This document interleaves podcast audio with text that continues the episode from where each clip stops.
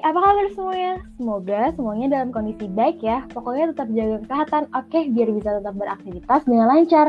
Dan tentunya tetap semangat, apalagi buat teman-teman yang harus beraktivitas di luar rumah untuk bekerja. Nah, kali ini masih dengan tema yang sama, yaitu happiness dan produktivitas di episode Bersua dalam Suara. Namun tentunya kali ini jauh lebih spesial. Hayo mau tahu apa spesialnya? Yuk terus dengerin podcast ini tanpa skip ya. Oke, kayaknya udah cukup deh bahasa-basinya. Langsung aja deh perkenalan diri lagi dari aku, IC. Dan gue Rafael kembali lagi di Bisik, Bincang Asik Psikologi. Untuk mendengar podcast Bisik, tadi sudah di spoiler sama IC bahwa kali ini akan ada yang spesial nih. Jadi, episode kali ini kita akan berbincang bersama tamu yang keren abis dan tentunya asiknya nggak habis-habis.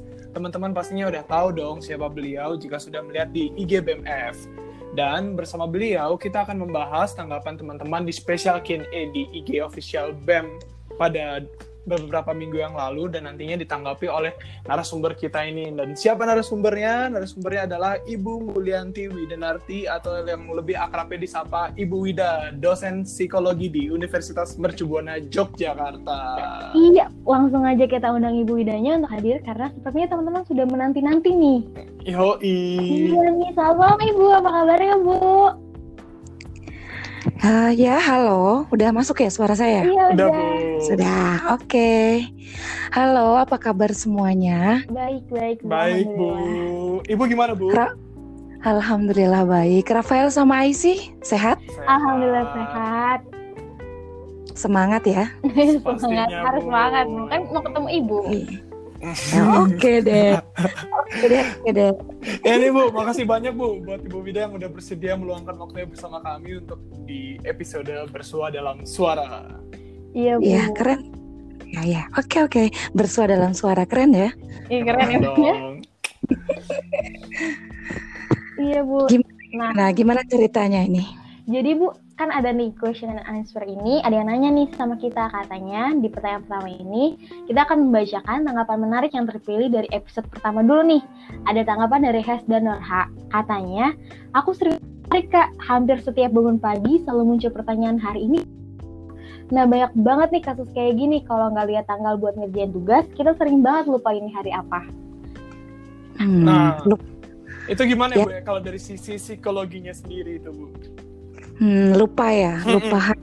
Hmm. Manusia memang tempatnya lupa betul. Betul. Sekali. Betul sekali Bu. Betul.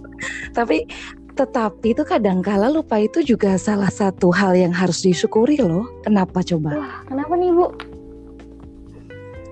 eh kita harus mensyukuri juga kita punya lupa gitu. Coba bayangkan kalau kita nggak bisa melupakan mantan Wah, misalnya, itu Wah. harus dilupain Bu kalau mantan mah. Atau bisa melupakan hal-hal yang menyakitkan gitu kan, berarti ada untungnya juga kan kadang lupa. Nah, yang jadi masalah kalau lupa hari kayak yang Hesdo alami ini ya. Hmm, Benar-benar Bu. Ya, kalau bicara tentang lupa ini berarti kita akan bahas materi psikologi kognitif kayaknya. Wah, Masa boleh banget. Boleh banget. Kulik-kulik SKS, siap. gitu, Bu. Masa kuliah gitu. Udah dapat belum sih kalian psikologi kognitif? Udah, Udah, Bu. Kebetulan saya dapetnya semester ini Bu, di semester 4. Oke, nanti dibuka bukunya lagi ya. Rafael, tolong buka buku. Enggak, kenapa Rafael ketawa waktu saya suruh buka buku? Berupa PDF soalnya Bu bukunya. Tapi bisa dibuka kan? Bisa, bisa. Bisa Bu. Bisa. Eh, masih ingat apa saja yang menyebabkan lupa? Kok malah saya yang Oh, ngasih pertanyaan ya? Memori memori jangka pendek, Bu. Udah gak, Bu? Jadi di sini ada beberapa alasan sih kenapa kita bisa melupakan ya, informasi itu. Yang pertama eh, kita bahas ini bahas secara ini dulu ya materi psikologi gitu Iya. ya. Boleh, Bu, boleh. Ah, yang pertama karena interferensi. Tahu interferensi itu apa? Kalau apa? Apa Ingat itu, Bu? Apa tuh, Bu?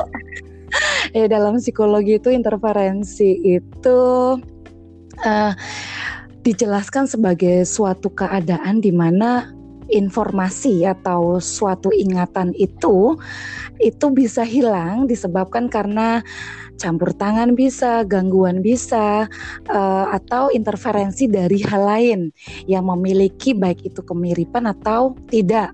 Nah ini tuh sebenarnya nggak hilang juga sifat karena sifatnya sementara dan kalau kita gali lagi maka dia bisa muncul lagi sebenarnya kayak gitu. Nah kelupaan karena interferensi ini misalnya kasus-kasus di sekolah kalau atau di kampus gitu kalian sering lupa pas ujian gitu misalnya. Eh mohon maaf ya contohnya nggak jauh-jauh dari sekolah. Uh, nggak resiko kalian ngajak ngobrol dosen psikologi pendidikan mungkin gini jadinya. Nggak apa-apa bener sekali bu. Apa-apa bu. Kita wadah bu. Iya kita wadah kita wadah Eh, baik sekali kalian. Jadi uh, nanti kalian akan coba baca lagi ada interferensi itu ada interferensi re, uh, retroaktif, ada proaktif gitu. Uh, nanti dibaca lagi ya. Ini bener loh, aku minta baca. siap, siap, Bu. Ya. Siap. Tolong Rafael baca lagi ya. Baik. Pokoknya kalau yang baca-baca serahin ke Rafael aja. Iya gitu. betul. Iya Bu, bener Bu dia paling pintar baca. Kemudian misalnya gini, tadi saya bilang uh, karena banyak materi yang dipelajari, karena banyaknya materi yang dipelajari, semakin banyak dipelajar semakin banyak lupa gitu ya. biasanya biasanya kuat-kuat kalian kan kayak gitu. Nah misalnya uh, Rafael atau Awisi habis belajar tentang rumus fisika. Nah setelah itu kita belajar rumus matematika. Kemungkinan yang fisika lupa nggak ya? Lupa, Bu. Lupa. Baru nah, itu... udah lupa. nah itu kemungkinan karena banyaknya materi uh, tertumpuk uh, materi yang dipelajari itu. Kemudian yang kedua ada kemunduran. Nah, kemunduran ini uh, dalam psikologi dijelaskan dalam sebuah teori bahwa seorang tuh bisa melupakan sesuatu karena ingatan tersebut termakan oleh waktu, deh, termakan hmm. oleh waktu. Eh, nggak cuma perasaan doang ya bu, yang termakan oleh waktu ya bu, ingatan iya, juga. Gak, oh. gak cuma Aisy atau Rafael aja yang bisa memakan gitu, waktu pun bisa wow. Ingat. Ya, benar, benar, benar. Nah, uh, misalnya ingatan kalian 10 tahun yang lalu, 15 tahun yang lalu gitu. Hmm. Misalnya seperti itu. Nah, uh, peneliti sepakat juga ada beberapa penelitian gitu sepakat bahwa terkadang informasi itu memang sebenarnya nggak nggak hilang ya tapi yang telah saya sebutkan tadi masih ada dalam memori kita tapi untuk ngambilnya lagi itu kadang butuh clue butuh syarat gitu jadi ada ada clue-clue yang misalnya kalian lupa sama siapa ya eh uh, sudah lupa sama mantan. Mm. Cuma mm. kalau klun denger lagu-lagu tertentu jadi inget lagi gitu. pernah nggak sih Aisy pernah ya? Pernah banget bu. Kayak itu tuh lebih ke momennya sih bu. Iya lebih momennya ya bu ya waktu lebih lagu. Ke momennya. Oh, itu bisa ingat mantan. Iya bisa menggugah lagi, menggugah, membuka luka lama lagi Aduh. gitu kalau kalian bilang biasanya kayak gitu. Bukan, nah, bukan luka lama bu, kenangan indah. Oh, yeah. Kira indah. uh, IC IC sepertinya ada yang belum bisa move on ini ya. Ada yang belum harus itu bu. Ada yang lebih baik nanti di depan. Kemudian, nah untuk kasus Hesdo ini kayaknya kasuistik gitu loh pada saat pandemi ini kan. Iya, iya. Nah, nah kalau kita bicara yang tadi karena kemunduran, karena interferensi dan sebagainya itu, uh, itu kita berbicara secara umum ya. Tapi kalau pertanyaan ini kayaknya lebih spesifik, lebih kasuistik gitu. Di mana pada masa pandemi ini memang uh, kita tuh mengalami perubahan, perubahan yang ekstrim kalau saya bilang sih ya, perubahan yang uh, tiba-tiba gitu, uh, perubahan dalam pola hidup, dalam pola kerja, pola tidur semuanya berubah. Kalian ngalamin itu juga nggak sih? Ngalamin, ngalamin. Ngalamin bu banyak dari yang tadinya kuliah tatap muka tiba-tiba pola belajar gitu kan? Iya, kan biasanya kadang belajar sama teman tiba-tiba harus belajar sendiri. Terus pola tidur pola tidur karena kan uh, kayak tidak ada batas antara siang dan malam, malam. Iya, iya karena besoknya juga mungkin kalian nggak kuliah jadi santai aja lah. Malam kita pakai buat aktivitas. Nanti siang tidur kan juga bisa nggak ada beban. betul banget betul itu betul. Ya, kayak gitu. Jadi perubahannya tuh ekstrim sekali gitu. Nggak punya nggak cuma mahasiswa dosen pun kayak gitu gitu kan. Tiba-tiba semuanya berubah. Tiba-tiba yang tadinya kita nggak melakukan ini jadi melakukan ini gitu biasanya kayak gitu. Nah kita pastikan lagi ke Hesdo. Kita harusnya ada Hesdo di sini. Iya. Kira-kira Hesdo ini mengalami perubahan pola tidur nggak sih gitu? Kurang tidur nggak sih dia gitu? Hmm. Kan bisa jadi Hesdo kan merubah jam tidurnya dia bisa jadi kayak gitu. Bisa nah, jadi. Karena karena di sini kurang tidur tuh juga bisa menyebabkan perubahan mood dan kecemasan yang pada akhirnya uh, ada masalah nanti diingatan karena perubahan mood dan kecemasannya itu. Oh. Seperti oh. jadi bete mulu ya bu ya kalau kayak kurang tidur gitu pagi-paginya jadi bete gitu Ya, jadi moodnya berubah, kemudian cemas, konsentrasinya berubah juga, dan itu pengaruh ke kognitif, pengaruh banget. Uh, coba deh kalian ingat-ingat kemarin-kemarin pas uh, lagi moodnya jelek itu ngerjain ujian gitu kira-kira ingatannya yang dipelajari tuh? Nggak masuk bu. Nggak masuk gini nah itu ambiar, ambiar. Iya ambiar sekali. Nah itu bisa jadi kurang tidur bisa jadi uh, obat-obatan mungkin nggak lah ya obat-obatan anti depresan obat penenang itu juga pengaruh sebenarnya ke ingatan. Kemudian uh, minuman beralkohol itu juga mengganggu ingatan jangka pendek ternyata seperti itu. Jadi hmm konsumsi konsumsi yang dikonsumsi selama ini uh, minumannya makanannya gimana gitu. Itu juga kita kita refleksi kita ingat-ingat lagi apa yang sudah kita makan kita minum. Nah kemudian ya kan kita ngalamin perubahan-perubahan tadi yang saya bilang ya perubahan ekstrim sekali.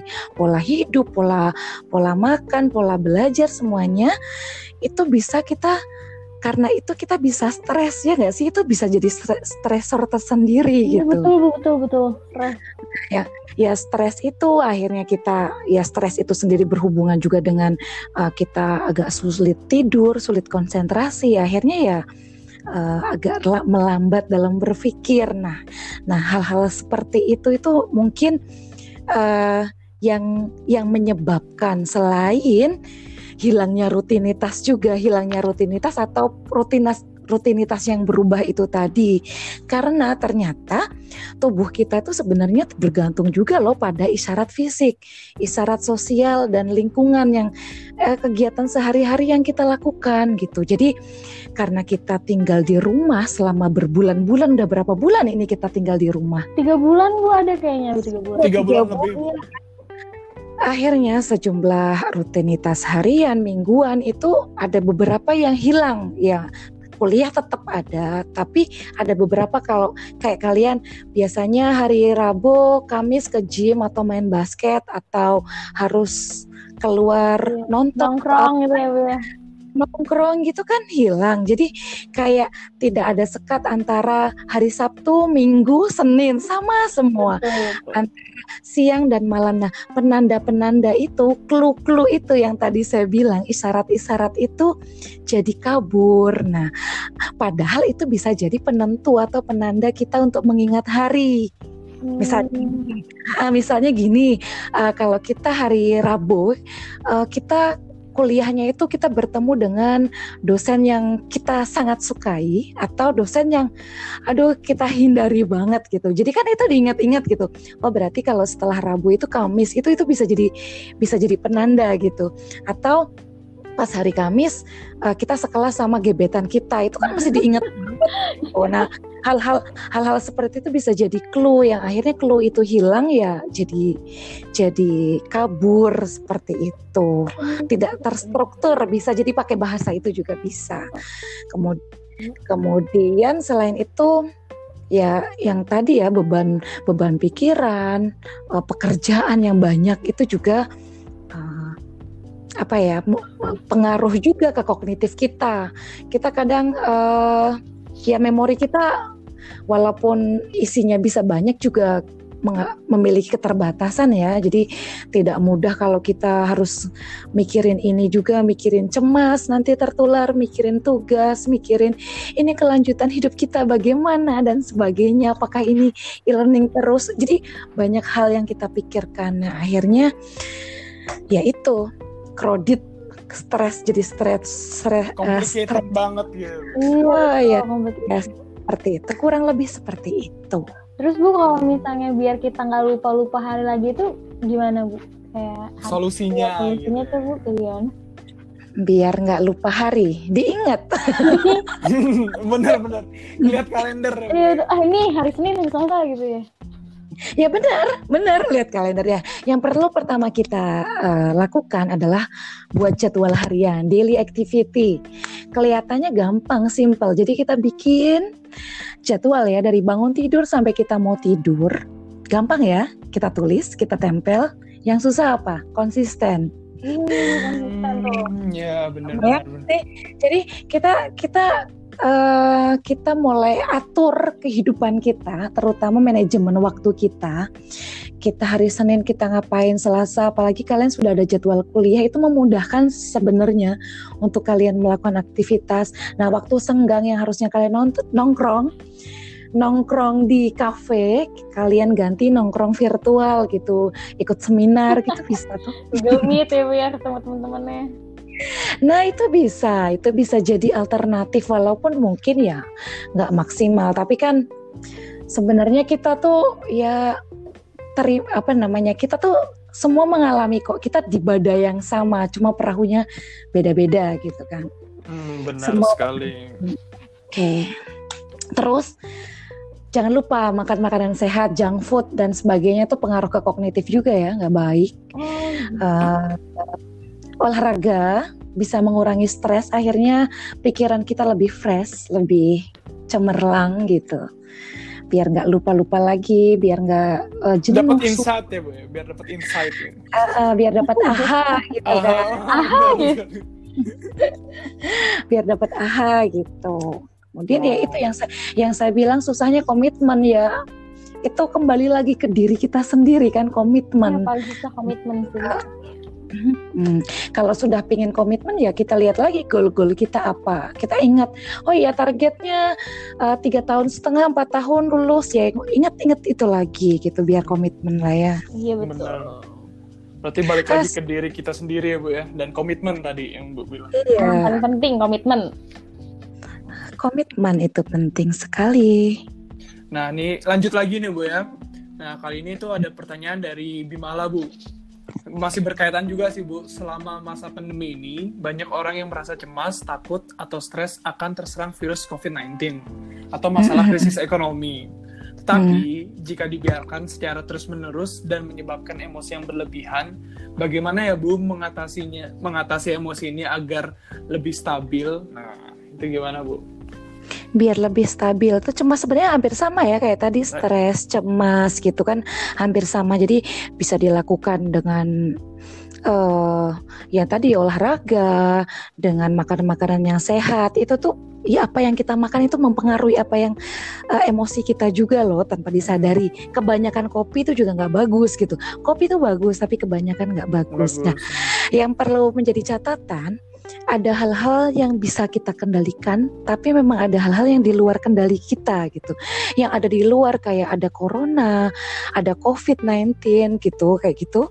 Itu di luar hmm. kendali kita gitu. Itu di luar kendali kita ya. Ya kita nggak bisa kendalikan, tapi yang ada dalam diri kita tuh itu bisa kita kendalikan.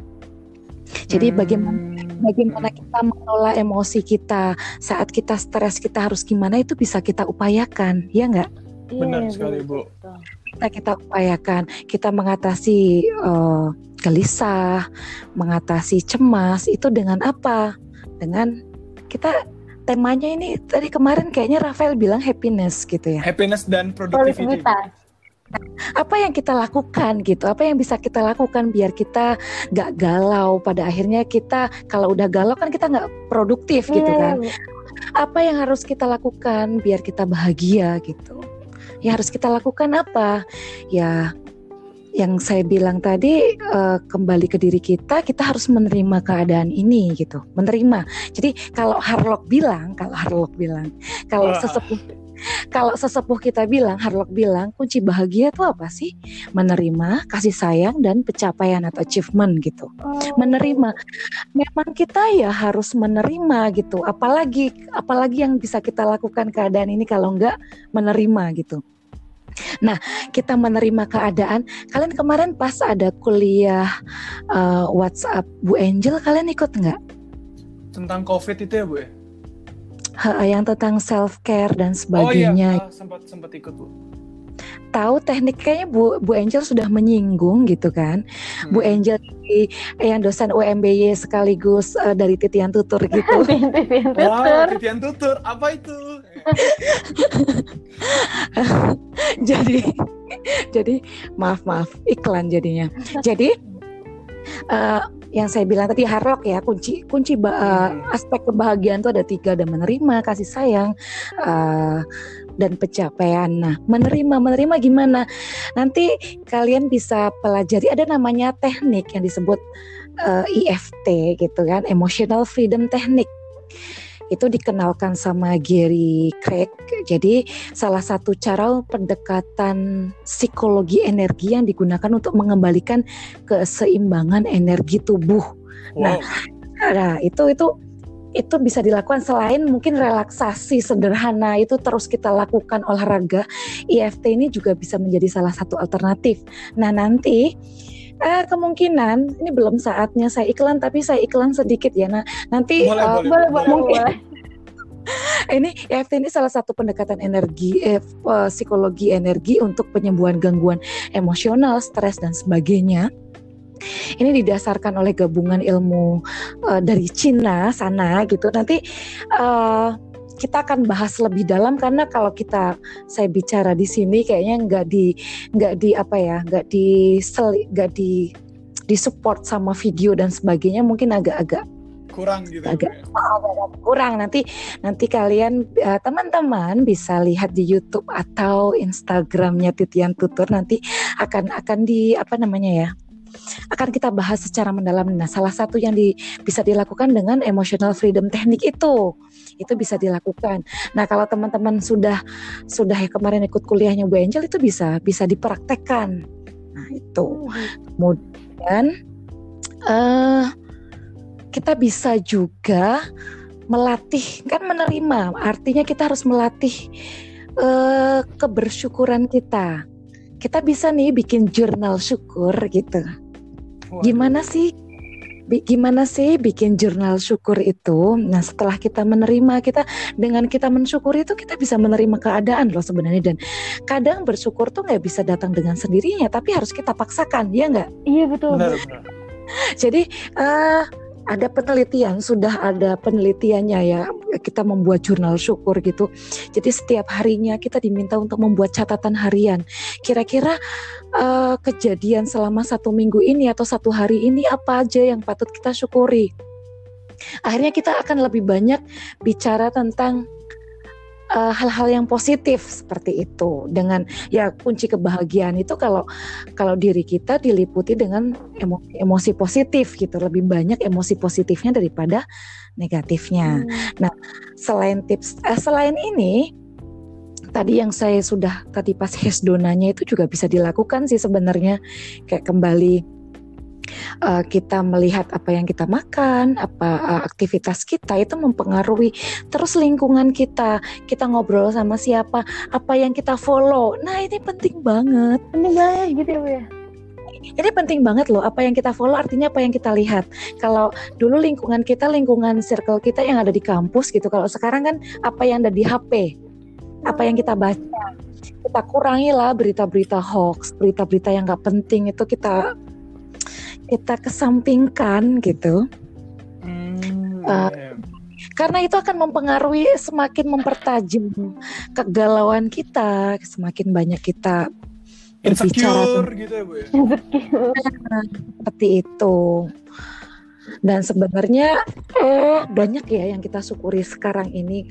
Artinya gini, kita nggak bisa keluar rumah, tapi kita bisa sampai Australia, kita bisa sampai Amerika, kita bisa sampai Eropa, bisa sampai mana-mana. Ada internet gitu, ya nggak sih? Bener. Coba bayang, coba bayangkan kalau internet juga mati gitu. Wah itu berat sih. Wah. Udah jadi Jangan lah ya. Jangankan ke Amerika bu, nyampe hatinya dia juga bisa bu. Aduh. Paling bisa emang El nih. Eh, kan bener kan dia emang jagonya. Jago banget ini. Untung nggak lulus saya. Jagonya. Aduh berat.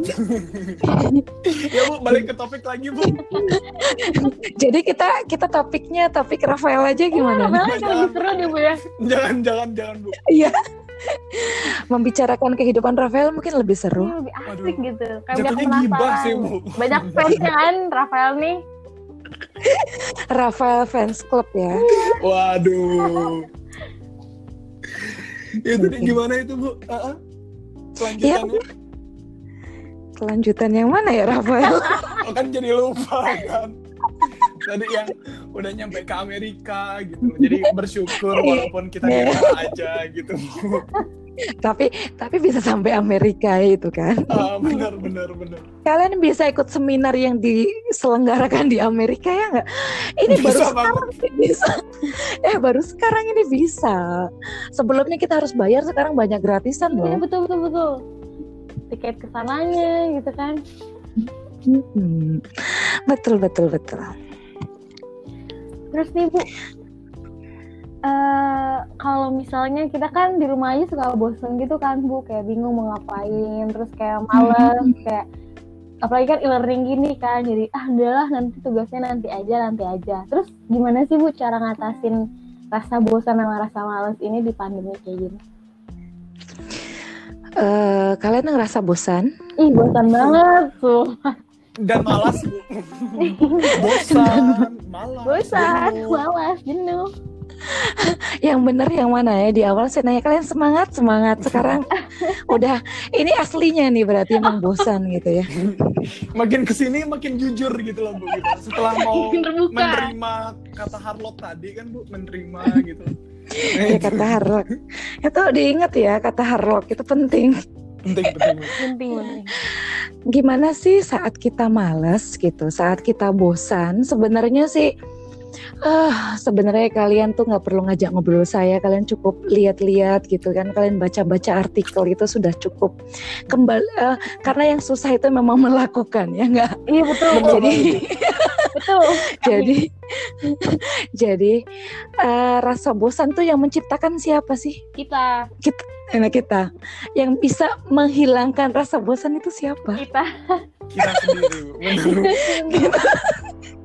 kita sendiri kita lihat lagi ya berulang-ulang saya, saya bilang eh, salah satu kunci kebahagiaan adalah orang yang tahu arah tujuan ke mana dia akan pergi gitu artinya artinya apa? Dia tahu goalnya dia. Dia kembali kita kembalilah buka. Kita punya goal apa? Seminggu ke depan dua minggu ke depan satu bulan ke depan. Kalau kita selalu ingat goal-goal kita ingin mencapainya gitu eh, kita nggak akan maksudnya selalu bersemangat gitu nggak akan rasa malas. Selain itu juga lingkungan kita tuh sangat pengaruh sekali loh jadi ya yang sebenarnya jawaban tadi bisa menjadi jawaban ini gitu kan bener bu. apa yang kita lihat dengan si dengan siapa kita ngajak ngobrol gitu eh aduh kayaknya aku kalau ngobrol sama dia jadi semangat deh gitu Wah, Ayo, Iya? Nah, itu eh, kita kita follow motivator-motivator itu akan beda dengan kita follow akun-akun gosip ya nggak? Iya betul bu, iya. Kalau gosip sekali, Bu. negatif tinggi aja gitu. Kita follow motivator-motivator sama kita follow eh, online shop online shop gitu. Beda nggak? Beda bu, beda. Pengennya rebahan sambil belanja gitu ya Iya, kan? iya. Nah, nah hal-hal seperti itu kita itu ada dalam kendali kita. Siapa yang mau kita ajak ngobrol, siapa yang ada di lingkungan kita itu juga dalam kendali kita. Kita kan bisa milih kita mau ngobrol sama siapa. Hmm, Nah itu Bu. itu, itu itu itu kenapa eh, sebenarnya juga kebosanan kita yang menciptakan sendiri dan kebosanan itu tidak tidak akan terjadi kecuali kita yang menciptakan gitu. Kita bisa mengcreate jadi makanya be kreatif gitu. Kita ya goal-goal yang tadi saya bilang daily activity kita bikinlah variatif gitu. Kita bikin variasi ya hari ini ngapain besok ngapain. Jadi kita kita sendiri yang mengcreate kita sendiri yang melakukan seperti itu Hmm, hmm. tuh. Iya, Bu. Nah Aduh. itu ya ber- berarti Iya. perlu diingat gitu kan teman-teman bahwa kebosanan itu kita sendiri yang buat Iya. gitu kan. Terus kalau Dan ngomong solusinya kita itu adalah juga. diri kita sendiri Betul juga. banget. Makanya perlu dicatat tadi diingat pesan-pesannya Ibu Wida gitu. Ya kan. tolong catat nanti kumpulin ke kita ya hasil ini. Nanti dikirim via e-learning ya Bu. ya? ah ya ya Iya, ya gitu. Karena Bu ngomong-ngomong tadi soal titian tutur ya, ya titi, titian tutur tadi itu itu sebenarnya apa sih Bu yang tadi Uh. sempat Ibu Ini- ini kita- gitu. kita udah mulai ngomongin titian tutor nih beneran Beneran Bu, silakan aja. Bu. Kita penasaran nih kan udah dibaca nih malam-malam kemarin. Apa sih Aduh, aduh. sebenarnya gitu? kita kenalan dulu ya sama titian tutur gitu. Oh boleh. Jadi. Boleh. Titian tutur itu titian kalian tahu nggak titian itu apa? Titian itu apa? Apa Bu? Ti- Titian itu jembatan itu bahasa apa sih? Coba kalian cari ya. Titian itu jembatan. Titian, titian itu jembatan. Tutur itu apa? Eh, perkataan Bu. Ya bisa pesan, bisa ucapan, bisa perkataan ya. Jadi adanya titian tutur itu harapannya bisa menjadi titian, bisa menjadi jembatan dari setiap permasalahan yang dihadapi untuk mencapai solusi. Kira-kira begitulah, kira-kira. Wow. Jadi- banget. Kita menjadi jembatan untuk solusi dari permasalahan yang lingkungan aku, kamu, kita semua alami intinya kayak gitu. Betul. Seperti itu. Nanti titian tutur ini eh, layanannya apa aja. Jadi titian tutur itu masih baru ya. Jadi ini masih baru. Kami kami masih baru banget. Hitungannya berapa hari ya? Eh itu di Instagram post, postingannya berapa? Berapa postingan? 6 ya? Enam apa sembilan gitu Bu?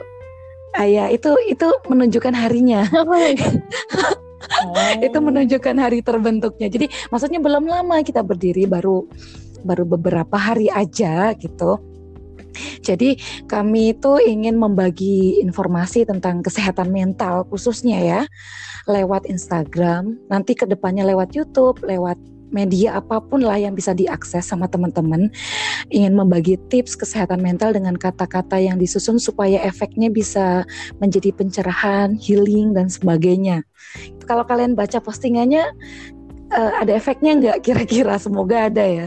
Iya Bu. Jadi ada. nanti eh, udah baca, udah udah udah ini ya, udah udah follow ya. Udah follow, udah, Udah pasti, follow, ya, Bu. Udah pasti. Dan teman-teman juga harus ya Bu. ya. Eh, Iya, teman-teman Iya, follow harus ya. follow.